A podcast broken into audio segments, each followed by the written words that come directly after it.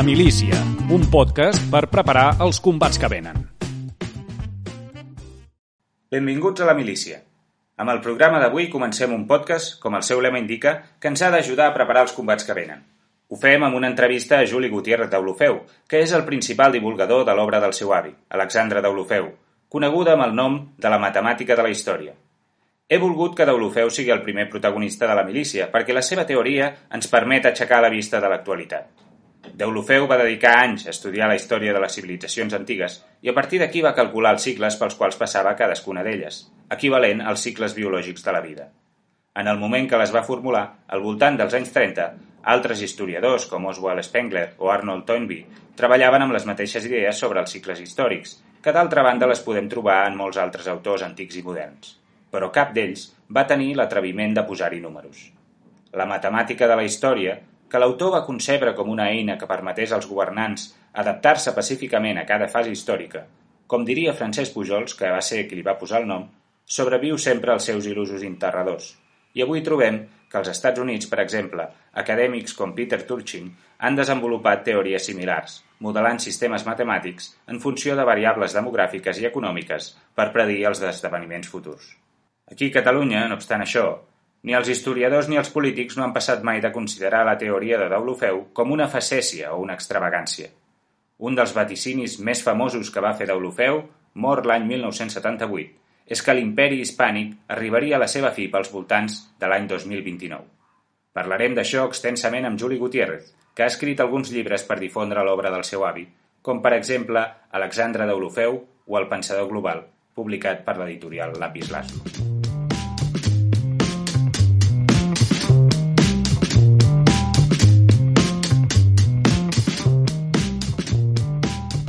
Juli, benvingut Digo. a la milícia i gràcies per atendre la nostra trucada. Gràcies a vosaltres i suposo gràcies a aquest miracle que és la tecnologia, no? Perquè és una cosa extraordinària tot això. Sí, m'agradaria, així per començar, eh, que ens fessis un resum, que expliquis per aquells dels nostres oients que no n'hagin sentit a parlar mai o que només n'hagin sentit d'oïdes, què és exactament, en què consisteix la teoria d'Alexandre d'Olofeu, la matemàtica de la història? Bé, el tema és bàsicament senzill, tot i que la seva complexitat és indiscutible. Però, traslladant una mica tota la seva obra a paraules del segle XXI, amb un llenguatge més modern, podríem dir que Deulofeu fa una cosa que els grans historiadors del moment i els grans filòsofs de la història celebren, que és la capacitat de trobar al mig de milers i milers de dades aparentment desordenades, no? una mena de teoria del caos, uns lligams entre diferents moments de la història, diferents esdeveniments, i trobar el que avui dia parlen d'estructures recurrents, allò que abans en podíem parlar de cicles. No? Llavors, Deulofeu, a partir d'un anàlisi comparatiu, alhora quantitatiu i també qualitatiu, com veurem, és capaç de definir unes dinàmiques, diguem-ne, cícliques, com vulgueu en funció del llenguatge, que es van repetint al llarg de la història de la humanitat i que permeten, també utilitzant un llenguatge molt modern, prospectar quin és el futur o què s'ha d'esperar a dins d'una mena de teoria també de les probabilitats el que ha de passar en un futur més o menys immediat. No? I tot això, que sobre el paper doncs, sembla poder sense ficció també, o lucubracions sense cap tipus de, de sentit, en el cas de Deulofeu es converteix en una eina fantàstica per evitar conflictes socials, militars, territorials i poder definir els vectors directors de la història que ha de venir. No? Bàsicament seria això com a punt de partida. Eh, la, la, la següent pregunta seria mm, bàsicament com se li acudeix a Deulofeu? Com arriba aquesta teoria? Jo diria que, com tantes vegades a la història del, del coneixement, l'evidència o la intuïció va precedir el que seria pròpiament la ciència. No? Deulofeu és un jove que neix doncs, el 1903, per tant, a la seva joventut la viu en plena dictadura de Primo de Rivera, per raons indeterminades, perquè els seus pares no es van significar especialment per ser molt catalanista, doncs Deulofeu se sent, se sent molt i molt català. és molt amic, entre cometes, doncs, de les petites nacions i està també influenciat, suposo, per la teoria històrica romàntica del moment. Està influenciat molt també per les teories decadentistes, no? com podia ser la decadència d'Occident de Spengler, i probablement això el porta a imaginar mons millors. No? Té la sort de viure en primera persona o molt proper en el temps la desfeta dels vells estats, dels grans imperis antics, no? l'imperi austro-húngar, entre altres, l'imperi moscovita, i veu com nacionalitats vernacles reneixen. I això el porta, suposo, que alguna cosa se li sacsegi. I aleshores, quan el seu pare l'envia a Madrid a fer la carrera de química i farmàcia degut a tot l'enrenou polític que hi havia, estudiant sobretot biologia, se'n dona compte de la constància dels fets biològics. I és indiscutible que l'ésser humà és un ésser biològic. No? Tots naixem un dia i l'única cosa certa que sabem és que ens agradi o no ens morirem. I durant aquest camí, a més a més, ens anem espatllant tots. No?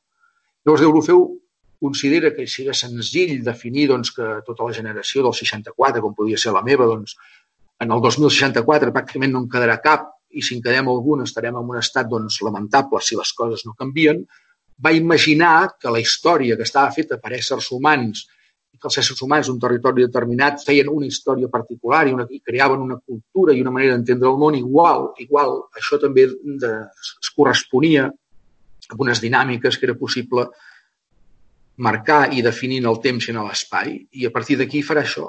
Diu, vaig estudiar la història amb les dades que té en el seu moment, que són els llibres, perquè en aquell moment, evidentment, no hi ha ordinadors, no hi ha res més que llibres i el seu cap, que era un gran ordinador, i comença a fer això, comparar. Eh? Agafo els grecs, agafo els egipcis, agafo els mesopotàmics, miro què fan, miro per on passen, i a partir d'aquí comença a trobar analogies molt interessants.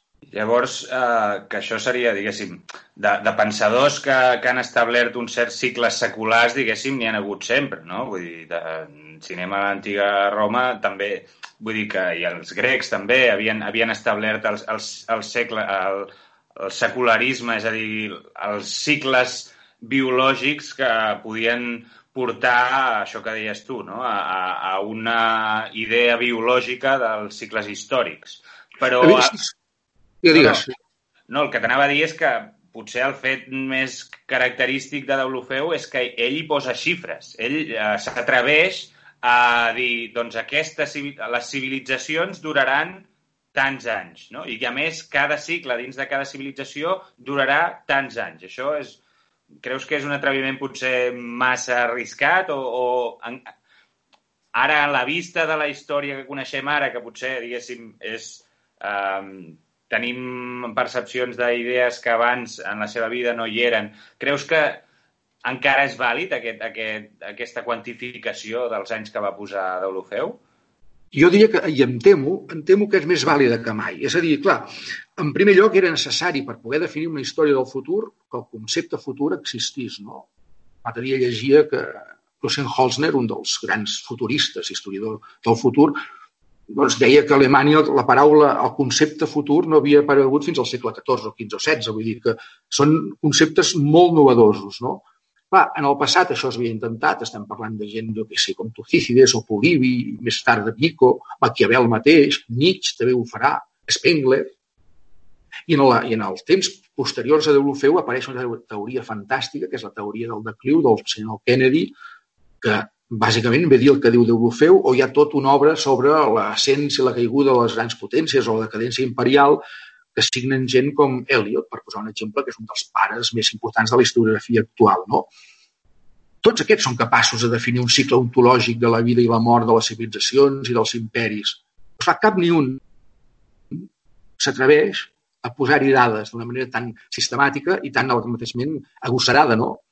Quan la història, el rellotge de la història, aquest tic-tac es rendeix a Deulofeu perquè realment el que ell va explicant des dels anys 30 s'ha anat complint de manera fefaent amb uns, amb uns mínims errors en funció de les dades que ell va posar, que jo no les hagués posat mai unes dades tan exactes, però és igual, la tendència és indiscutible, arribes a la conclusió que poder caldria la, o valdria la pena doncs, treballar més a fons en la matemàtica de la història. Agosarat ho va ser-ho va fer un pas més enllà que ningú, també, i que encara pràcticament ningú, jo diria que ningú, ha gosat o gosa llançar-se a unes aventures com aquestes també és un fet indiscutible. Si de cas, més tard ja parlarem de, de la recepció de la seva obra, però a mi m'agradaria ara entrar que ens expliquessis uh, exactament uh, en què va dividir uh, els cicles de les civilitzacions i, i la durada que tenia cadascun, vull dir que ens, ens facis, diguéssim, ens despleguis a la seva teoria tal, tal com, la va, com la va crear ell. Mira, fent-ho molt senzill, perquè es pot fer molt senzill, Deulofeu primer troba una dialèctica que s'estableix al llarg de la història en diferents moments i en diferents territoris entre èpoques de fraccionament territorial, si podem pensar en la península ibèrica a l'època de la Reconquesta, no? que teníem doncs, 50.000 regnes de taifes, cristians uns, eh, àrabs uns altres, tenies visigots, tenies bizantins, és a dir, un, una, una gran, un gran caos, entre cometes, de, de ciutats o petits territoris lliures. Aquest període, ell diu, dura 650 anys, per entrar tot seguit en la segona part del cicle històric, que seran 1050 per sumar-ne 1700 en total, que és la fase d'unificació. És el moment on aquells territoris que estaven fragmentats i que, bueno, que feien una mica el que volien, amb una constant batalla pels territoris, doncs apareix una força hegemònica o diverses forces hegemòniques que volen imposar la seva llei en aquell territori i es crearan allò que en llenguatge actual serien les grans potències, no? un imperi espanyol amb tot el que podíem explicar l'imperi espanyol, després un imperi francès, un imperi anglès, això no, les, a la nostra cultura occidental, o els grans imperis del passat. Per tant, la primera, el primer punt important és definir aquests dos moments, eh? fase de fragmentació, fra, fase d'unificació. La fase de fragmentació es caracteritza per 650 anys en què al mig d'uns moviments culturals, artístics, científics i socials molt interessants, de mica en mica aquell territori va caminant cap a la conformació de l'estat-nació. No és un fet, jo diria, ni bo ni dolent, senzillament és un fet biològic que passa. Un cop arribes a la fase unificadora, aquest estat-nació, a bé, sistemàticament, assumeix la necessitat d'haver-se d'expandir pel territori i voler conquerir altres territoris. Clar, és el moment en què entraran doncs, les batalles imperials i en funció del moment biològic de cada imperi guanyarà un o altre. Perquè, evidentment, un cop has entrat a la fase imperial, els diferents imperis que es conformen també venen marcats per una dinàmica biològica i per unes etapes. No? Una primera fase de fragmentació de, agressiva, de grans victòries militars, quan arriba a dalt de tot. Generalment va lligada també a una fase federal del territori, amb la qual cosa jo, que he estudiat molt la matemàtica i la història, donen lloc, sobretot per les societats que viuen en aquest moment, un moment bastant bo a nivell doncs, de, de relació entre els territoris i el poder. Arriba a la, a la plenitud i quan sembla que allò és indiscutible el poder més important del món, s'ensorra, amb el que ell diu la Gran Depressió, degut a la sobreexpansió territorial, sobreexpansió econòmica, crisi social, misèria, pobresa, etc. I tot seguit, quan sembla que és impossible sortir-se'n d'aquell forat, apareix el que diríem la figura del gran dictador, eh, del gran Cèsar. Juli Cèsar seria un exemple, Napoleó en seria un altre, Hitler en seria un altre, i probablement, feu un spoiler, Trump o algun dels seus successors serà el següent. Llavors, l'imperi inicia la segona fase agressiva, ja no és federal, és totalment absolutista, necessària, si vols, per posar ordre en un, en un món que s'ha desordenat del tot, es converteix una altra volta en un gran perill per la, per la resta de potències, que més tard, o a vegades més aviat que tard, depèn en funció dels territoris dels moments, s'uneixen per lluitar contra aquest imperi. El derroten, una gran derrota militar, de la que l'imperi es recupera molt de pressa. Els casos més coneguts i més recents van ser doncs, la Segona Guerra Mundial, les derrotes de Japó i Alemanya, que permeten una recuperació llampec per entrar llavors l'imperi en la fase de plenitud. És a dir, l'imperi llavors dominarà els territoris, continuarà dominant els territoris, però de manera, diguem-ne, econòmica, mitjançant la, la política, mitjançant la diplomàcia. Un imperi, diu Deulofeu, té una vida mitjana de 550 anys. Doncs a mesura que s'acosti aquesta dada de 550 anys, començaran a aparèixer totes les xacres de la seva decadència final i l'imperi caurà i es, i es desintegrarà. Si això passa en un territori que encara està en fase d'unificació, com que la unificació són 1.050 anys, aquells territoris, durant una època que ell deia de caòtica, de llibertat relativa, veuran com apareix una nova força imperial que els torna a sotmetre. I aquest és el joc de Deulofeu, és a dir, una fase de fragmentació, de creació de cultura, una fase unificadora en què la cultura esdevé civilització. Ell li donava molta importància a la primera, jo he estudiat, com dic abans, fa molts anys, més de 30, la matemàtica, la història, i al final ni una ni l'altra són ni millors ni pitjors. Senzillament són les que són. Què és millor, tenir 20 anys o tenir-ne 60? Bona pregunta. Jo, Eh? Jo, que en tinc quasi 60 i n'he tingut 20, et puc assegurar que la meva vida ha sigut plena sempre. Altres persones, els 20 i els 60, han tingut vides desgraciades. Per tant, aquí és on entra la llibertat contra aquest fals determinisme que és acusat a Déu l'Ofeu. Un, un dels aspectes que, que ell donava molta importància, perquè Eh, clar, aquí, aquí hi ha un joc entre eh, la vida dels imperis i la, la vida de les civilitzacions, és a dir, que els imperis formen part o entren a dintre d'aquestes civilitzacions que tenien una durada de 5.100 anys, això, això ho dic bé? Sí, sí el Deulogeu, ja allò en castellà sigue rizando el rizo, diu totes les civilitzacions passen per tres fases o tres grans cicles històrics, cada cicle de 1.700 anys. El primer cicle, aquella civilització que fa és copiar d'una cultura o civilització anterior. Seria el cas de la península ibèrica, doncs la cultura ibèrica, que té molt a veure amb les cultures orientals. No? Al segon cicle històric, aquella civilització arriba a la seva plenitud i a la seva màxima originalitat i es deslliura de les influències externes per donar o crear una nova mirada al món per intentar respondre les grans preguntes que no s'han respost mai. No? Qui som? No en tenim ni idea. On tenem? Tampoc ho sabem. Quina és la funció de l'ésser humà a la Terra? Tampoc ho sabem. Bé, doncs ho intenten en aquest segon cicle de plenitud, que seria, en el cas del món occidental, la creació de l'art romànic i del gòtic. No?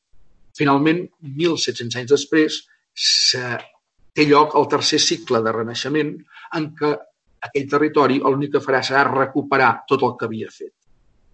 La història, o l'estudi de la història posterior, ens demostra que els cicles continuen, hi ha un quart cicle, un cinquè cicle, però diguem-ne que aquests pobles passen sense pena ni glòria ja per la història de la, de la humanitat. Llavors, eh, continuant amb això, eh, el, que, el que volia dir és que Deulofeu posa molta importància al, al fet creatiu, és a dir, té un llibre, un volum que també parla de la història de l'art. Com, com s'hi relaciona amb la seva teoria? Clar, aquest és el tema que, que parlàvem una mica abans. És a dir, posem, és més fàcil parlar de coses que tothom pugui tenir més clar. No? Imaginem-nos que estem l'any 800 de, de la nostra era, en els Pirineus orientals. No? D'on venim? Doncs la península ibèrica ve doncs, del sotmetiment o intent de conquesta per molts imperis, cartaginesos, romans, visigots, àrabs, francs, bizantins. Tots aquests imperis arriben a la península ibèrica en diferents moments del seu procés evolutiu, però hi ha un punt, que és l'any 800 aproximadament, en què el territori peninsular entra a la segona fase eh, en el segon cicle històric, el gran cicle de creació, crai. Llavors, què vol dir? Que del vell mig d'aquesta misèria moral i espiritual i material, aquella societat sotmesa a tantes misèries, doncs aixequen els ulls cap on els poden aixecar, no? cap a l'altre món, eh? és a dir, cap a un món diguem, espiritual, aquell món on pots trobar una mena d'esperança per tirar endavant la teva vida perquè és molt miserable. Llavors, totes les civilitzacions, quan comencen aquest cicle històric, el segon, intenten explicar el món i ho fan des d'una òptica particular, que és la seva. I com que en aquells moments l'ésser humà no té un llenguatge capaç d'explicar tot allò que pretén dir i que, i que experimenta, utilitza un altre tipus de llenguatge, que és el llenguatge simbòlic, allò que amb el temps hi ha qui li diu que és art seria tot molt discutible. Però, evidentment, què farem? Què faran els nostres avantpassats, els Pirineus orientals? Hi ha una religió que va ser imposada al temps de Constantí, que és el, el cristianisme, i aquell home occidental del segle VIII busca en el Déu que el té en el cel la resposta a tots els seus problemes. I a partir d'aquí crea una nova iconologia, una nova iconografia, una nova materialització plàstica dels seus anels espirituals que donen lloc a tot el que seria el procés conegut com procés artístic. Llavors, a l'home cristià la tradició clàssica grega li fa nosa, perquè el Déu dels cristians està en el cel. Per tant, les basíliques amb aquelles cobertes planes impedeixen assolir el contacte directe amb Déu i seran substituïdes per la bòveda de canó. La qual cosa, Deulofeu diu, ja tenim, de manera tan senzilla, implementada la nova manera d'entendre el món. A partir d'aquest moment, aquell procés artístic es multiplica per tot el territori i li dona aquella pàtina d'originalitat i de personalitat que el defineix respecte a altres territoris. Per exemple, per tant, entendre de quina manera es desenvolupa artísticament una societat et permet també entendre-la.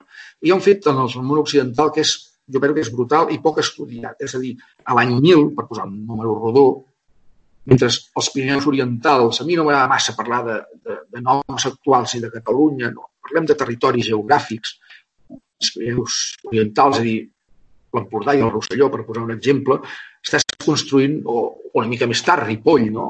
Tens les basíliques, les esglésies romàniques perfectament definides amb la seva volta, mentre que a la mateixa època a Hildesheim, Alemanya, encara estan construint eh, estructures basilicals clàssiques. No?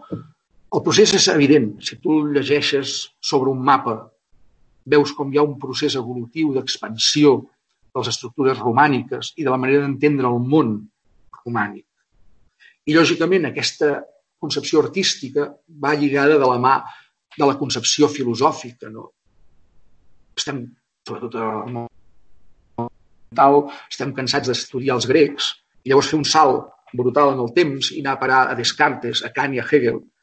Però hi ha un punt de comunió entre el passat i aquesta filosofia més moderna, que són els filòsofs que treballen amb dos costats dels Pirineus Orientals i que tenen la seva desclosa amb un senyor que es diu Ramon Llull. Però abans has tingut, i en viu, evidentment, abans has tingut en Martí, Ramon Martí, o Penyafort. No?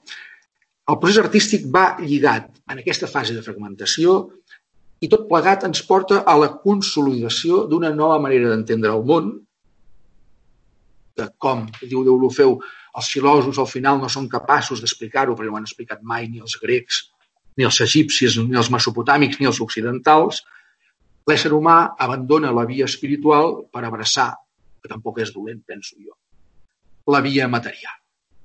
I quan passa això, apareix l'estat en el sentit estricte, amb tot el que té de bo, que té coses bones, i amb tot el que té de dolent, que té bé les té. I entrem en la següent fase de, del procés que marca la matemàtica i la història, en què hi ha la cultura, la creació d'una part a la civilització i a la repetició. Bàsicament, aquest és el discurs. Aquest, uh, aquest element cultural, eh, la seva la seva importància en la teoria de Deulofeu, és el que li fa, bueno, el que anava a dir, el que li fa descobrir, però primer el que li fa buscar l'origen d'aquesta civilització occidental, diguem-ne, que ell troba, que això també s'ha dit, mm, bueno, s'ha fet servir com a element així una mica eh, propagandístic o per, per fer-hi, per posar-hi una mica més de, de, de carn, eh, com a, diguéssim, com a origen de, de, de la civilització occidental el trobem a, a Catalunya, no? és a dir, a l'Empordà. Això és, és ell, el situa just concretament a on el situa. Exacte, aquest és un dels temes més, entre cometes, més perillosos, no? perquè pot donar lloc a pensar que hi ha un cert etnocentrisme i s'ha d'explicar molt ben explicat. És a dir, Deulofeu al llarg de la seva història, de la seva història de la història, li, li agrada trobar els bresols, els punts de partida de totes les cultures. I quan se'n va a pensar en Egipte, doncs tothom hi està d'acord que aquest punt de partida és el, el, el, el, el delta del Nil. No? Si te'n vas a Mesopotàmia, són també els llocs amables de l'Eufrates i el Tigris, o si te'n vas a la Índia, doncs serà l'Indo, etc etc. I això es trobaria amb els punts de partida de totes les cultures. És a dir, allà on comença aquesta nova mirada. Quan Deulofeu estudia la, cultura occidental, és a dir, la que nosaltres vivim, patim o disfrutem, doncs també vol trobar el punt de partida. I en el moment que ell ho comença a fer, evidentment, es deixa guiar doncs, pels historiadors de l'art d'aquell moment. I llavors hi havia dos tipus de teories. Unes que deien que tot el món occidental, artístic, romànic, neix a França, altres que deien que naixia a Itàlia. I, evidentment, Deulofeu s'ho creu, i com que és un home que pot viure molt bé de la farmàcia, en època de Mussolini, dedica a viatjar molt, molt per Itàlia buscant aquests orígens de l'art romànic. Jo faig a vegades la broma tonta, no? però avui dia qualsevol persona amb el, amb el Google Maps o amb aquestes tecnologies modernes, des de casa pots rastrejar tota Itàlia i te'n donaràs compte que no trobes cap, cap estructura romànica, arcaica, en el sentit estricte. Evidentment, el que trobes és una quantitat immensa de restes grecorromanes. Caram. Per tant, Deulofeu, després d'aquests viatges a l'època de Mussolini, arriba a la conclusió que és impossible que el romànic hagués nascut a Itàlia, perquè el primer romànic que troba, però ja molt evolucionat, el troba al nord d'Alemanya, ai, de nord d'Itàlia, és concretament a Milà, a Sant Ambrós. Per tant, se'n torna a casa nostra, a Catalunya, convençut això no pot ser. Llavors té la sort, entre cometes, també, que comença la Guerra Civil i se l'emporta nou, nou anys a l'exili, on ell viurà del seu treball, i una de les parts importants de la seva vida serà la vida de músic. I fent de músic a la zona del sud de França, de Toulouse fins als Pirineus, doncs anirà resseguint tots aquests petits poblets, o no tan petits, del sud francès, i se n'adona que allà sí que hi ha un romànic en el sentit estricte i que on més s'acosta als Pirineus orientals, més reculat és aquest romànic. Això el porta a la conclusió, perquè ell recordava doncs, que a l'Empordà hi havia restes mal mal conservades d'edificis romànics que li podien portar a definir i a decidir doncs, que aquest origen, origen, no, no és ni bo ni dolent, senzillament va passar així, es trobava doncs, en els Pirineus Orientals, concretament a l'Empordà i el Rosselló. I això és el que el porta. Eh? És a dir, senzillament la comprovació empírica sobre el terreny, una, i llavors a partir de les actes de consagració, el que li permet definir que el primer romànic, en el sentit estricte, és a dir, amb la seva volta de canó, bàsicament amb els seus arcs eh, ja no apuntats, ja no de ferradura, sinó eh, també de, de canó, amb els seus absis circulars, que no quadrangulars. Doncs això ho trobem per primer cop doncs, a les terres de l'Empordà i del Rosselló i es va extenguent per tot Catalunya, fins i tot el primer gòtic el trobarem a Tarragona, i això s'anirà estenguent per tota Europa, llavors trobem les fantàstiques catedrals romàniques i caòtiques que trobem a Burgos, a León o Notre Dame, no? per posar exemples. Fins i tot la gran catedral de Colònia. Però perquè tot això fos possible, calia que comencés en un lloc. I va començar a casa nostra perquè les condicions que exigeix aquesta llei de la història es donaven.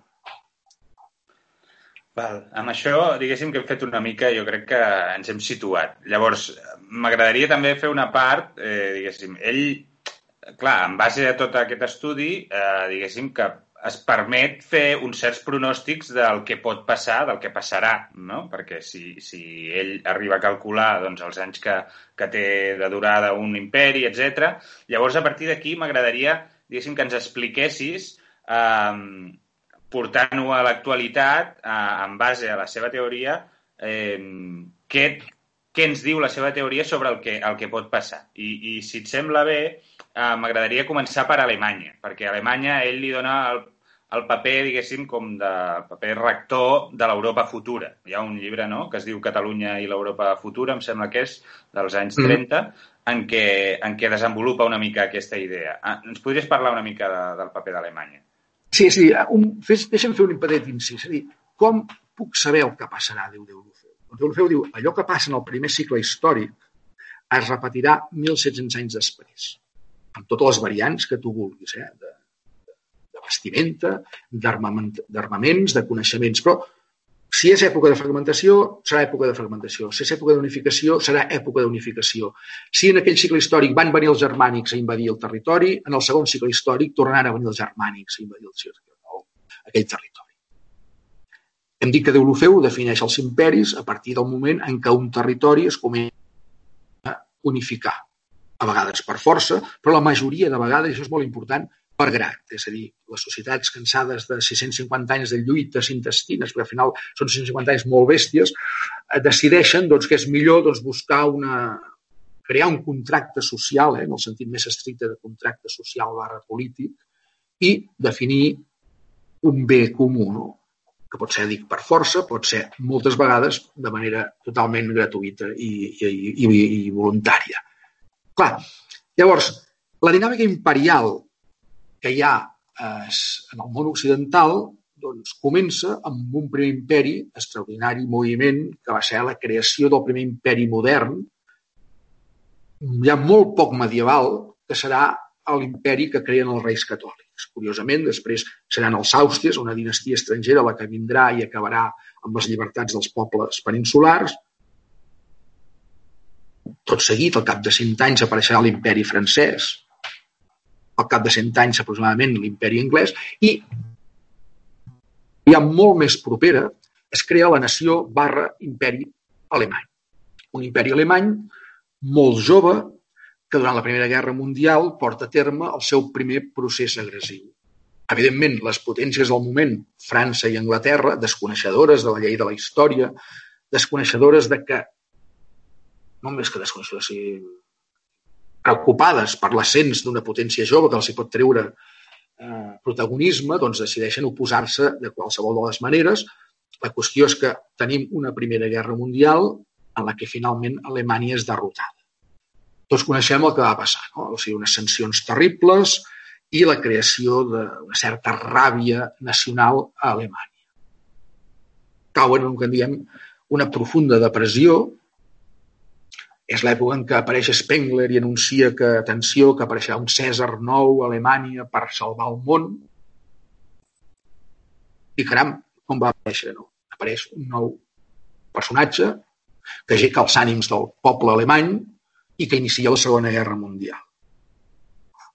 La derrota sembla allunyar Alemanya per sempre del món del poder econòmic, polític mundial, però resulta que un dels seus, aliats, un dels seus vencedors, els Estats Units, decideix aportar 14.000 milions de dòlars per recuperar Europa i no els dona ni a França ni a Anglaterra i els dona bàsicament a Alemanya. Alemanya entra en la seva fase de plenitud imperial. Enfront d'una Espanya a punt d'acabar-se, un imperi espanyol a punt d'acabar-se, un imperi francès que ja no és res, com estem veient, o un imperi anglès que ha decidit de fugir d'Europa per iniciar una aventura en solitari, Alemanya es conforma com el gran poder dels pròxims 150 anys a Europa. Amb la qual cosa, aquesta Europa fallida d'estats de, esdevindrà una Europa unificada sota la direcció alemanya en la que probablement tinguin cabuda les nacions que vagin recuperant la seva llibertat de l'imperi que la sotmet en aquest moment però sense oblidar que continuaran en fase d'unificació sota la direcció alemanya i fent, evidentment, allò que Alemanya vulgui, com estem veient aquests dies amb aquesta crisi del coronavirus. És a dir, que el que hem d'esperar una mica, a veure, ja, ja dintre dels anàlisis eh, econòmics i, i polítics, diguéssim, ja situa Alemanya com el líder de la Unió Europea tal i com, com és. El que hem d'esperar és que aquest procés, diguéssim, es, es mantingui o, o s'intensifiqui, no? El que hem d'esperar, sobretot, és que hi hagi intel·ligència per part d'uns i dels altres, cosa que si després tenim temps i analitzem el cas català-espanyol, veurem que això no ha passat. No? Sí, sí, ho farem, ho farem. Ah, dius, fiu-t'hi bé, en aquest moment hi ha una crisi que és el coronavirus, que no sabem, no entenem pas en cap tipus de teories estranyes, senzillament creiem que realment hagi pogut passar i això. Per tant, el món s'ha vist sorprès per la natura i s'ha agafat amb uns amb més que altres doncs, en una situació bastant dramàtica. No? Clar, Europa es vol definir com una unitat, com una unitat de pobles o de nacions, digue-li com vulguis, o d'estats. Però resulta que hi ha uns estats, els del nord, en aquests moments diuen no volem ajudar el sud. Bàsicament Holanda. Eh? Un territori que té darrere seu eh, un nombre de morts i genocidis també molt important, eh? com tots els imperis. No hi ha imperis que estiguin nets, no hi ha ni un. Eh? Tots, són, tots tenen molts de morts a darrere. Curiosament, Holanda, que són els més crítics en donar diners a Itàlia, a Espanya, i els països més pobres d'Europa, és un paradís fiscal. Eh? Qualsevol empresa se'n pot anar a Holanda, pagar molts pocs impostos i, clar, i donar vida en aquell territori. Amb una, un, una Europa unificada en tots els aspectes, els paradisos fiscals desapareixeran. Això és important. Llavors, Alemanya, que al principi també era negativa a l'hora de donar ajudes als països del sud, s'alia, entre cometes, amb França, perquè hi ha hagut una mena, òbvia de, de pressió diplomàtica molt gran de França, Espanya i Itàlia. Són tres països també molt poderosos, encara que ells no ho sàpiguen. Però la dinàmica imperial t'està dient no, aquí el que ha de manar és Alemanya. I per tant la senyora Merkel o el canceller que toqui ha de ser capaç de conjugar aquest joc d'imperis, més o menys decadents, però imperis encara, i amb moltes problemàtiques internes que han d'afectar el futur d'Europa. No? Per tant, en els anys que han de venir, i ho estem veient ja com Alemanya, de manera silenciosa, i també els països del nord, van copsant els llocs més importants de tota la burocràcia i administració europea. A banda que quan es crea l'euro, malgrat els desitjos del senyor Mitterrand, el senyor Kohl li va dir que ni pensar-ho, que l'euro seria el, el, el marc alemany. No? Clar, la força d'Alemanya és indiscutible, el que passa que ells encara no saben el paper que els hi toca fer en l'Europa que ha de venir. Si ho sapiguessin, farien les coses molt millor del que segurament faran. Si els pobles, la resta de pobles d'Europa o de territoris, imperis, França, Espanya, Anglaterra, per dels més interessants, sapiguessin el que ha de venir, també pensarien diferent. Itàlia l'hem de posar a part, perquè Itàlia és un tripartit. Si el nord d'Itàlia pertany a la cultura occidental, el sud d'Itàlia pertany a la cultura clàssica i el centre és aquell lloc magnífic on convergeix el vell i el nou. Per tant, eh, ningú s'ha d'estranyar que Itàlia mai es pugui conformar com un estat en el sentit estricte del terme. Però una cosa similar també es podria dir d'Espanya, de, no? Això penso que és el que la gent voldria creure. Mm -hmm. No, explica't, explica't. És a dir, eh, Itàlia és clàssica en el sud i és occidental en el nord però tota la península ibèrica és tota romànica. Una altra cosa és que geogràficament, evidentment, la geografia és un factor important, hagi donat lloc a, a, a característiques psicològiques bastant diferents d'uns dels altres. Però la península ibèrica és un tot, és un, tot, és un territori bastant evident. Quan dic península ibèrica estic parlant també de Portugal. I la relació entre els pobles ibèrics no ha estat mai massa de confrontació fins als últims anys de decadència de l'imperi espanyol. És més, després de la pèrdua de les colònies, hi ha un moment en què s'articula, no? al segle XVIII, s'articula perfectament l'Espanya invertebrada i l'articulen l'aristocràcia del camp castellana i la indústria catalana. A partir d'aquí, que, que hagi hagut des, no ens trobem, és un altre tema, perquè estem en fase de fragmentació territorial. Bueno, aquí, si vols, eh, aquí hi ha la, la famosa, aquesta també, aquesta predicció, que és la que, diguéssim, ha sonat més, suposo, per, perquè ens interessa, eh, que és aquest famós vaticini que el 2029, no, seguint aquests 550 anys eh, de l'imperi espanyol, eh, s'ensorra, dir, bueno, és, no sé com seria la definició. El tema és que l'imperi espanyol s'acaba. Llavors, dir... jo aquí em dóna la sensació que hem confós moltes vegades aquesta idea amb, amb la independència a Catalunya. No sé si totalment, exactament totalment. dir el mateix, és a dir, que s'acabi l'imperi espanyol no té per què significar la independència a Catalunya. Evidentment, aquest, aquest és el gran drama. I aquest, jo per mi aquí Déu feu peca de, d'agosarat. Sí, ella l'any... Ella parla d'aquest... És l'any 1934 escriu el seu primer llibre, Catalunya Europa Futur. És un llibre que encara no existeix la teoria cíclica, per dir-ho Encara creu en el progrés. Aquesta és una. Llavors, el 1977 publica el volum vuitè de la Matemàtica de la Història, que és la segona onada imperial on parla dels imperis, Espanya, França, Anglaterra, Àustria, Rússia, sigui, tot el que ens afecta en la nostra realitat i diu que el 2029, ell estem l'any 77, diu, eh, anuncia les catàstrofes que es produiran a Espanya del 1977 fins al 2029 en quan es desintegrarà l'imperi espanyol. És molt important. Perquè es desintegra l'imperi espanyol. I ara ho explicarem a poc a poc. Fem, retrocedim en el temps. O sigui, en l'any 230 abans de Crist arriben els cartaginesos a la península ibèrica. Si li sumes 1.700 anys, te'n vas al 1469, 1470 aproximadament, que és quan els reis catòlics unifiquen federalment la península ibèrica. Per tant, si aquest 1470, més o menys, eh, li sumes els 550 anys, te'n vas al 2020, si és el 79, quan es configura totalment la Confederació eh, dels Reis Catòlics, te'n vas al 2029. D'acord. Però, clar, això vol dir que encara queden 600 anys ben bé d'unificació territorial.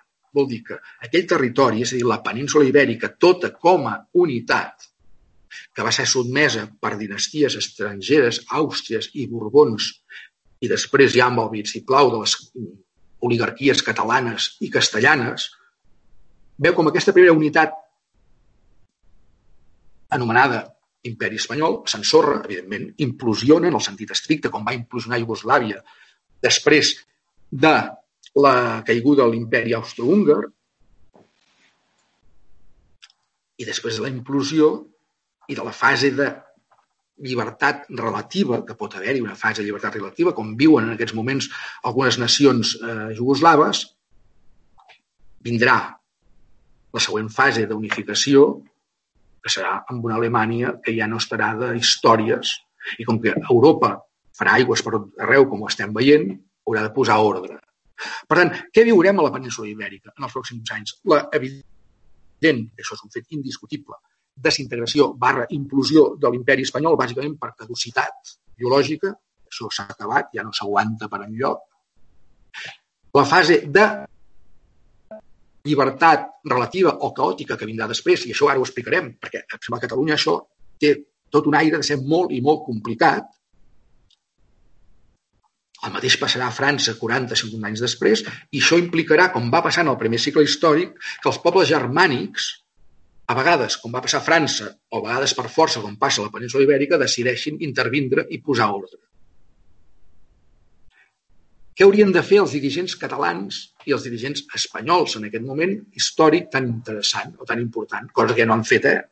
Doncs tenir clar quina era la realitat del país. I cap on tenim? Cap a la desintegració d'un imperi. Per tant, caldrà conformar unes noves realitats d'organització del territori si estem parlant d'una una Europa unida, fa difícil pensar en la creació de noves nacions independents, bàsicament perquè Europa no ho contempla. Jo diria que la negligència dels sectors principals de Catalunya com dels sectors principals de Madrid han portat el país o poden portar el territori a una situació bastant, bastant més complexa del que encara tenim. No? I aquesta és la realitat tu fas preguntes i vaig contestant o em vaig, vaig, em vaig deixant anar, com tu, com tu vulguis. No, no, em, ja em sembla bé. Vull dir, no, no sé si, si vols matisar alguna cosa de les que estàs dient, vull dir, em Clar, sembla bé. Vull dir, doncs fixem és a dir, um, hi ha una carta magnífica de Deulofeu que li escriu a la Patricia Gavanxo, que vam recollir en el llibre de les de l'home que no llegeix els diaris, en el que li deia, era l'any 77, i la Patricia Ganxo, que en aquell moment feia poc que vivia per Catalunya i estava molt decebuda amb el resultat de les eleccions generals, les primeres després de la llarga dictadura, perquè no havien guanyat els catalanistes, no? entre altres, ni les forces d'esquerra, com ella hagués volgut. I el Deulofeu li diu al pare de la Patricia, digue-li a la teva filla, quan la vegis, que no pateixi, perquè ara vindran 40 anys molt favorables a la vida de les nacions peninsulars, entre elles, evidentment, Catalunya. I, evidentment, del 77, 40 anys després, va venir l'estat de les autonomies. Jo penso que la gent, encara que no tingui memòria, es va viure bé. La gent va, ser, es va recuperar la llengua catalana, es van, bueno, es van recuperar llibertats i tot semblava que anava per bon camí. Clar, arribem aquests 40 anys després que diu Déu Lufeu. No?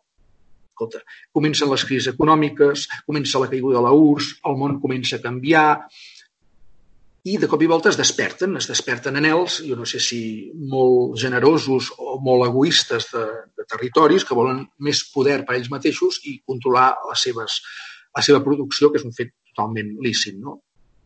Clar, la Catalunya del 2017, la Catalunya de l'1 d'octubre, és una Catalunya complexa.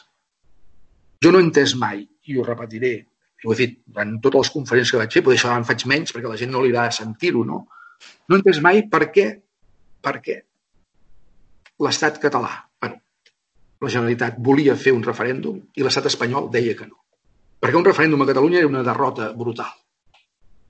O sigui, en el Parlament tenim escons, tenim una llei de on que no és democràtica, perquè equilibra territoris, però no dona a una persona un vot.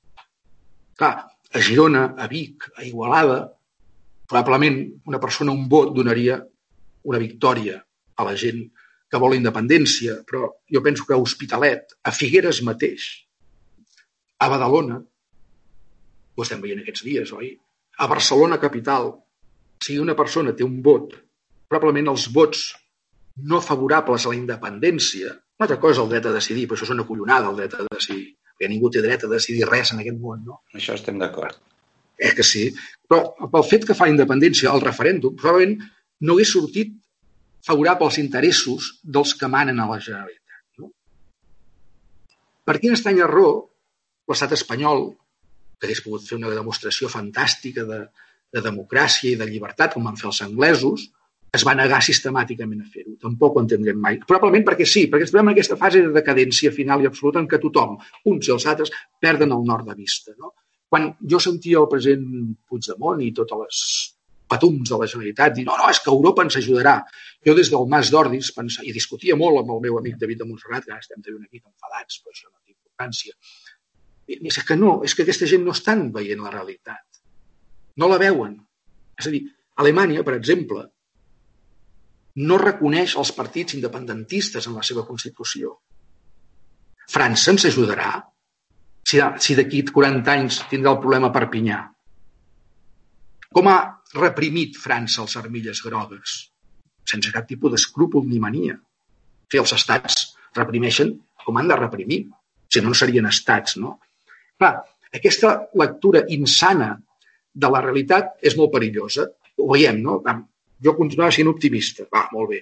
Fem l'1 d'octubre, la gent sembla que vol ser independent o vol fer coses, no sabem ben bé perquè què volien fer, perquè evidentment la independència no, com a mínim els partits polítics, perquè un lògic és que les eleccions que van venir després, em penso que en el novembre, tots els partits polítics catalans, nacionalistes, més o menys independentistes, haurien d'anar amb una sola candidatura. No va passar així, van anar separats i resulta que, oh, sorpresa, qui realment guanya aquelles eleccions a Catalunya és Ciudadanos, perquè és el partit més votat.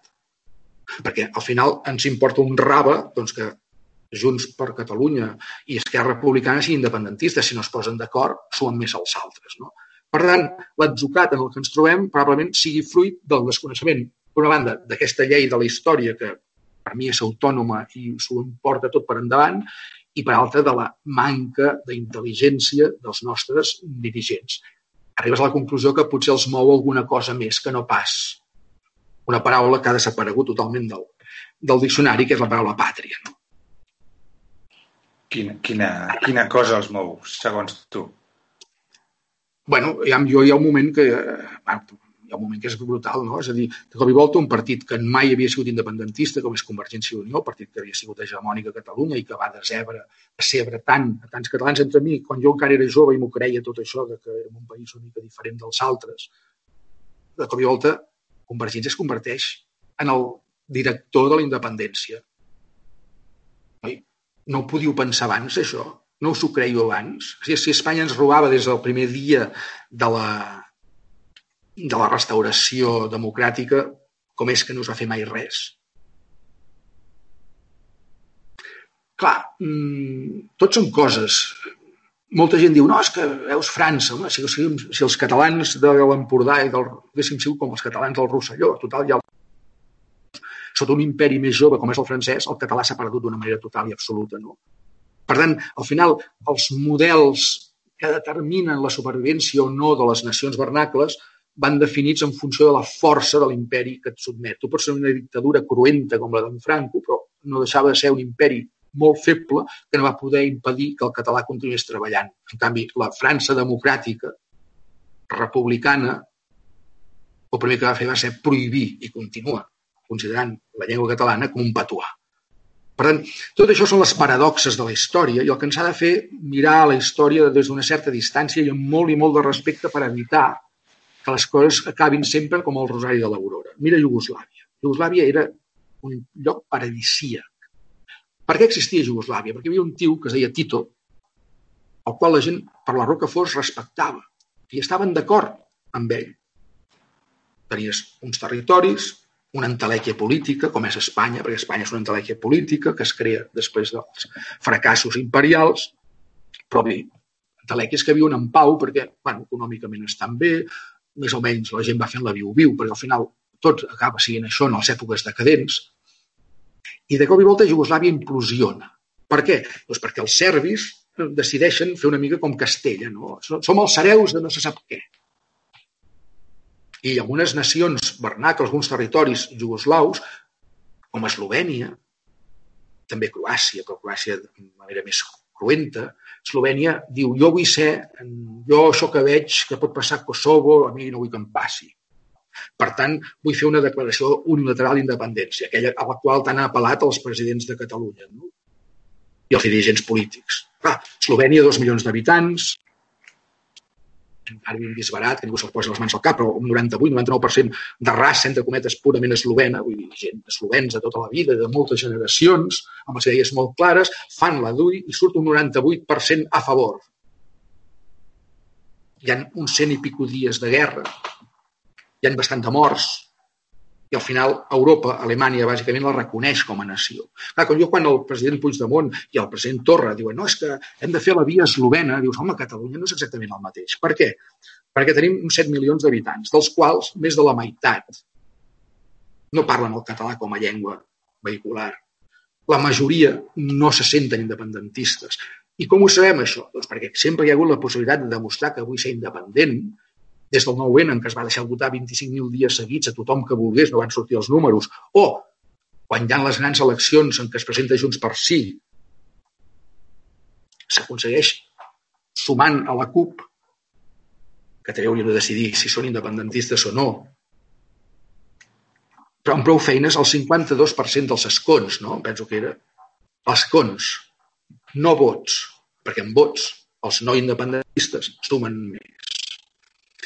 Per tant, aquesta ceguera política dels nostres líders doncs, només pot demostrar dues coses, o que són, perdó, uns ineptes, o que amaguen alguna cosa, perquè si no, no s'entén. O sigui, què en fem Catalunya de mobilitzar-se cada 11 de setembre, sortir uns 2 milions de persones, això ja són números molt importants, és a dir, 2 milions de persones comptant criatures no sumen amb unes eleccions. Vols d'independència l'hauràs d'agafar. Com? Amb violència? Doncs ja hi som pel tros. Això és la matemàtica de la història. Clar, la matemàtica històrica te diria, escolti, senyor president de la Generalitat, senyor president del govern espanyol, senteu-vos amb una taula. Sapigueu el que vin... Sapigueu el que teniu. I a partir d'aquí actueu en conseqüència. Clar, però aquí hi ha, hi ha, com, un, hi ha com un viatge, no? És a dir, entre la, la perspectiva d'algú que veu a la història en cicles de milers d'anys i entre la gent que veu, ja no et dic els polítics, que la veuen en els cicles de, de quatre, no? en els cicles electorals. Però, clar, eh, això és, és difícil de casar, diguéssim. I després hi ha aquesta cosa que no sé si també és una crítica a totes aquestes aquestes visions històriques eh, que són com molt deterministes, no? És a dir, que no, no, hi, ha, no hi ha res a fer-hi perquè serà així, no? Els cicles són així i, per tant, tu l'únic que pots fer és adaptar-t'hi. No sé si això... Aquí entrem en, una, en un fet per mi que sempre ha sigut el que més m'ha molestat d'estudiar la matemàtica de la història, que és el determinisme. Jo no suporto el determinisme. Però, clar, a nivell particular, a nivell biològic, individual, és el que dèiem abans, tu naixem un dia, l'única cosa certa que sabem és que morirem, quan no ho sabem, però hi ha una cosa que es diu l'estadística, la llei de probabilitats, que ens diu que la mitjana de vida són 82 anys en aquests moments. Fa uns anys enrere la mitjana de vida era més curta. Això pot afectar els cicles històrics? Podria afectar-los, s'hauria d'estudiar, evidentment. Però això no vol dir que la gent, fins i tot la gent del carrer, sigui un mínim, un mínim intel·ligent i que no se l'enfadi ningú. Vull dir, jo puc ser independentista o no, però jo sí veig. Jo sóc un independentista convençut, eh? imaginem que ho soc Arriba l'1 d'octubre, surto al carrer, me deixo pagar, no sé per què, és una altra cosa, perquè ens vam deixar pagar o perquè es van deixar pagar. Bé, aixecar les mans no es va enlloc. Gandhi no va aixecar les mans, va provocar molts de morts amb la seva marxa de l'assalt, tot s'ha de dir, per aconseguir el que volia i al final va voler perquè Anglaterra estava en fase decadent, els hi va donar el que tocava en el moment que tocava. No?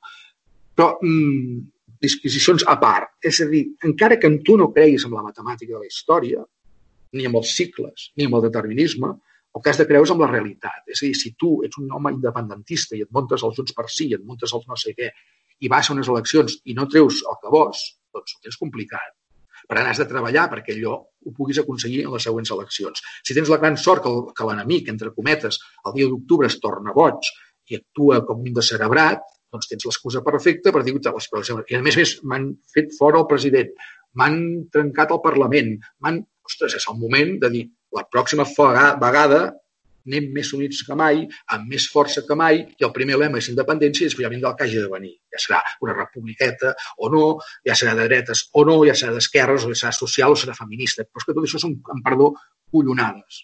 En el fons, el que demostra és que la gent no és independentista, perquè si no la gent hagués anat amb un sol partit, hagués tret un 70 o 80% dels vots i amb això ningú t'atura.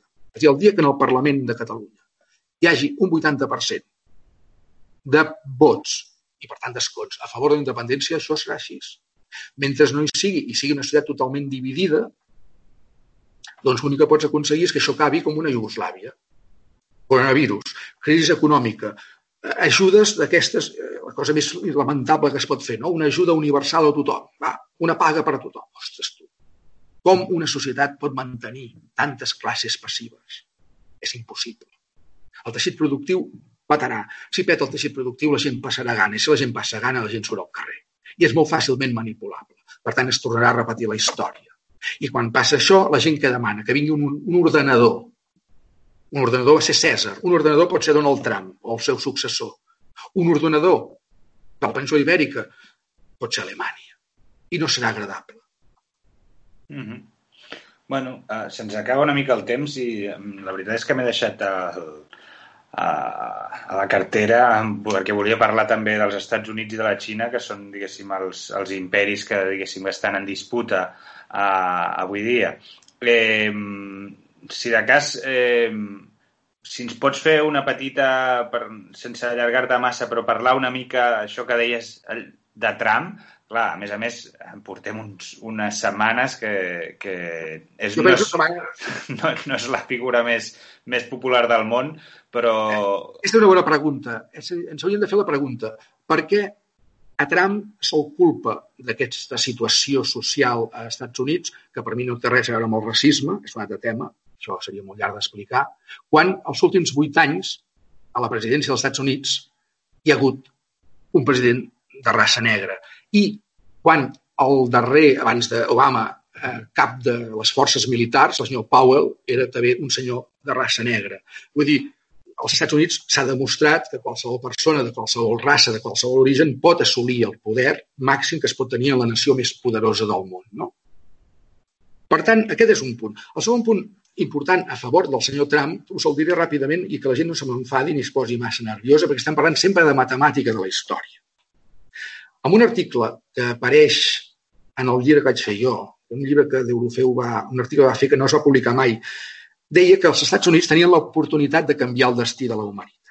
Deia, els Estats Units és un país, un imperi, que ja ha iniciat la fase cap a la Gran Depressió, i això és un fet que és bastant evident des del Vietnam, i que les seves actuacions d'aquell moment han sigut bastant discutibles. No? Per exemple, la gent eh, aplaudeix molt al senyor Obama i a la senyora Clinton, però el senyor Obama és el primer president dels Estats Units de l'època de Roosevelt, que ens va portar a la Segona Guerra Mundial, que ha estat tots els dies del seu mandat en guerra i que més lleis executives s'ha fet. Vol dir que no han passat pel Parlament i que ha tirat pel dret com si fos una mena de petit dictador. No? Això és un fet indiscutible. També tenia una col·laboradora principal, que havia de ser la seva successora, que era la senyora Clinton, que és la que va provocar i desfermar totes les batalles al nord d'Àfrica i, entre altres coses, va provocar l'assassinat de Gaddafi, cosa que tothom pot veure per internet, com ell el dia que el maten ho celebra bueno, dient com una fura. No? Clar, atenció, quina era la intenció que tenia l'aparell demòcrata en aquell moment? Era portar tota la logística armamentística al, camp, al mar de la Xina, perquè la Xina és el gran competidor dels Estats Units. A nivell social hauríem de dir una cosa al cap. És dir, quantes persones es juguen la vida per anar a viure als Estats Units? Doncs milers de persones. Quant anys tarden aquesta gent que va als Estats Units, a immigrants il·legals, a convertir-se en ciutadans americans? Si ho aconsegueixen, en 14 anys tots viuen ben allà. No? Quanta gent vol anar a viure a la Xina? Ni Déu.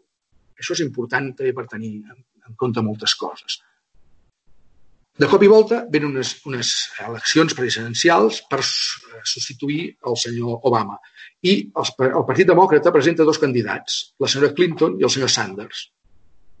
Sanders era una, com una bocanada d'aire fresc perquè deia retirem-nos del món de la guerra, Amèrica pels americans, tot això ho deia el senyor Sanders.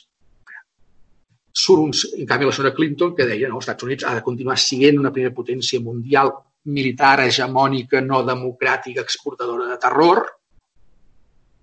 I, per altra banda, apareix un senyor que es diu Trump, que és un tio que ha sortit de no sap on, eh, del món dels negocis, un tio fet a si mateix, si vols un cant de banyanes, digue-li com vulguis, una intel·ligència per mi preclara, que diu Amèrica pels americans, reculem, reculem, tanquem-nos a casa, fugim del món, fugim dels problemes militars, reconstruïm la nació. El mateix que diu Sanders. Quin problema hi ha? Que el senyor Sanders el carrega la senyora Clinton i l'aparell eh, l'establishment no? americà. De cop i volta jo recordo que estàvem fent també el documental sobre Deulofeu i vaig a una entrevista a TV3 i em demanen escolta, qui serà el pròxim president americà? Trump, sense cap tipus de discurs. Per què? Perquè Trump representa el que toca en aquests moments als Estats Units. És a dir, un personatge autoritari, personatge fet a si mateix i un personatge que, aparentment, no importa un rabo que amaga, vetlla pels interessos dels americans. I el primer que fa Trump en el seu llarg o curt mandat ha sigut evitar dos guerres tremendes que haguessin passat amb la senyora Clinton, que és amb Corea del Nord i amb la Xina. Amb la Xina no ha tingut cap inconvenient en anar-se baixant els pantalons cada vegada que ha convingut. Amèrica pels americans, que és el, ve el coronavirus, el coronavirus, evidentment, li trenca les oracions. I apareix aquesta cosa estranya, que és la mort d'aquest senyor, totalment innecessària, que provoca una onada de manifestacions, aparentment totes perfectament definides a tots els Estats Units, provocant el que seria el caos. No? Clar, la matemàtica de la història què ens està dient? Estats Units, per evitar la Gran Depressió i tot el que implica, havia de fer dues coses, deia Deulofeu, o tres. Una, eh, evitar els conflictes militars, eh, replegar-se, cosa que ha fet Trump.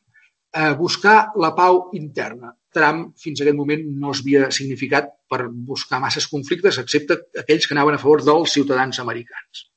I evitar la confrontació social. Si això s'aconsegueix, aquesta gran depressió pot passar de puntetes. Si això no s'aconsegueix, la gran depressió pot provocar una guerra civil. Què està dient el senyor Trump? Treure l'exèrcit. Què està dient el Pentàgon? No el diguis de moment. Clar, eh, la societat americana està a favor de Trump o està en contra de Trump? Això ho diran unes eleccions. La societat americana hauria sigut més feliç amb una president com la senyora Clinton provocant guerres a Corea i a Xina i afavorint a l'establishment mentre que Trump afavoreix un altre tipus de persones. Clar, les lectures són les que vulgueu, no? Li fallen les formes? Bueno, és millor ser un informal que eviti una guerra que una persona molt formal que et porti a la guerra. No? Um, per tant... La matemàtica història, la matemàtica de diu Estats Units va cap a la Gran Depressió. Els Estats Units és l'únic país del món que coneix la matemàtica de la història perquè quan aquell general de brigada eh, veneçolà va fer la seva tesi doctoral a l'Escola de la Guerra de París, va enviar la matemàtica de la història al Pentàgon. Per tant, coneixen aquesta llei.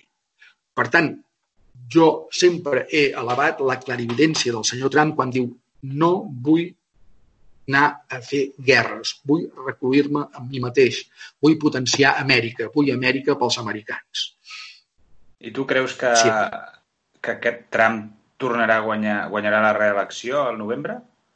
Jo penso que si això s'allarga molt, és molt probable. Com més s'allargui el caos, més s'encansarà la classe mitjana, entre cometes normal, entenent normal el que vol dir, aquesta situació de, que no té res a veure, repeteixo, amb un problema racial. Perquè al final la història s'ha de llegir bé. Fixem, és a dir, a Hitler se'l va titllar de racista, que ho era, que ho era, eh? que ho era. Però resulta que als anys 60 Alemanya ja no era racista. En canvi, als Estats Units, els negres encara no podien anar amb autobús ni a les escoles. al tanto amb com diguem les coses. Que Hitler va fer ràbia perquè va fer ajonellar a tota Europa, estem totalment d'acord. Però escolti, escolteu, Stalin es va carregar 22 milions de compatriotes i concretament 7 milions d'ucraïnesos, els quals va tancar en uns camps de concentració i va deixar morir de gana. Però esclar, Stalin va guanyar la guerra, va ser un vencedor. Els alemanys la van perdre. La història necessita molts i molts anys per ser escrita quan no coneixes una llei que la marqui. De fet, la llei de la història, l'existència de lleis històriques, permeten a la història deslliurar-se de les manipulacions de la memòria col·lectiva. No? Si no hi ha res més perillós que la memòria col·lectiva per crear mites que no són. I amb això, per això, la matemàtica història cada cop m'interessa més, en el sentit que desmitifica i amb una fredor a vegades exagerada et permet veure les coses com van passant. I es podrien canviar aquestes coses? Sí, evidentment. Eh? El missatge final d'avui ha de ser positiu. És a dir, el dia que la humanitat tota sigui capaç de quadrar una equació que no s'ha quadrat mai, que és igualtat més llibertat, s'haurà acabat els problemes. Mm -hmm. ja, ja... Digues, digues. No, no, ara sí que haurem d'anar tallant perquè el temps que tenim, doncs, si humanes, no ens allargarem massa.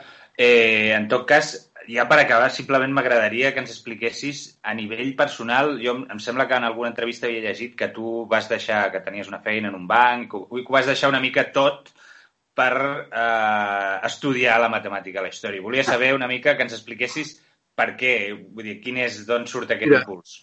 Eh, tot això són aquestes... Això, tot això és el que deia abans de la memòria. És a dir, no hi ha res més perillós que la memòria, no hi ha res més increïble que les biografies, sobretot si els escriu un mateix. I si tu deixes que, la, que les memòries col·lectives vagin creant personatges que potser no som, al final no sabem realment qui som. O sigui, jo no vaig deixar la meva feina per fer matemàtica i història, les circumstàncies van fer que hagués de deixar la feina. Com que ja tenia una edat, vaig decidir que no tenia cap intenció de tornar a treballar en el sentit estricte, doncs de treballar moltes hores sota algú. I vaig començar a buscar la vida de maneres diferents i va coincidir també amb el fet de que eh, recolzat o impulsat per un amic meu, vaig decidir estudiar història acadèmica per poder sortir al carrer i parlar doncs, de la matemàtica de la història sense que tingués sigut aquest és un enginyer que no hi entén res, és un indocumentat. I, i per això. Però vull dir, no, no, o sigui, es creen sempre com petites llegendes, mitificacions, que si tu dius, quan la gent m'ho diu, diu, bueno, si tu vols creure i t'agrada, doncs deixem-ho, no? No, o sigui, jo vaig deixar, on van fer deixar la feina que jo tenia, i a partir d'aquí vaig decidir que em fer un canvi, diguem-ne, de, de paradigma que em permetés mm, ser més lliure, entre cometes, no? I sí que és el moment en què això va facilitar doncs, que em dediqués més, tenia més temps, eh, estudiar més història des del punt de vista més formal, i com més formal estudies la història, més te'n dones compte que Deulofeu no es va equivocar gens. No? I això és, és fantàstic. Eh, com a últim punt, ara estic treballant al cas argentí i t'asseguro, quan vulgueu, fer una altra sessió i és brutal les, la realitat argentina i per què estan com estan i com la podríem explicar tranquil·lament des del punt de vista de la matemàtica de la història. I, com un cop més, no hi ha caos a l'Argentina, sinó que hi ha l'ordre que toca en aquest moment. I si els que manen a l'Argentina coneguessin aquesta realitat, doncs hi posarien mà i les coses canviarien. Però fes bé que en aquest procés argentí, primer cicle d'una civilització, al mig d'aquest caos, la cultura argentina és un bé molt preuat.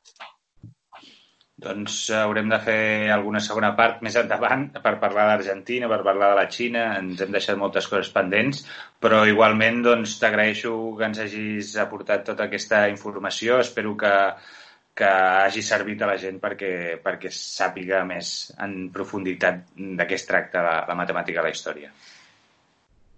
Perfecte, doncs, ja ho saps, a disposar qui em teniu. Molt bé, doncs ho deixem aquí. Gràcies a tothom per escoltar-nos.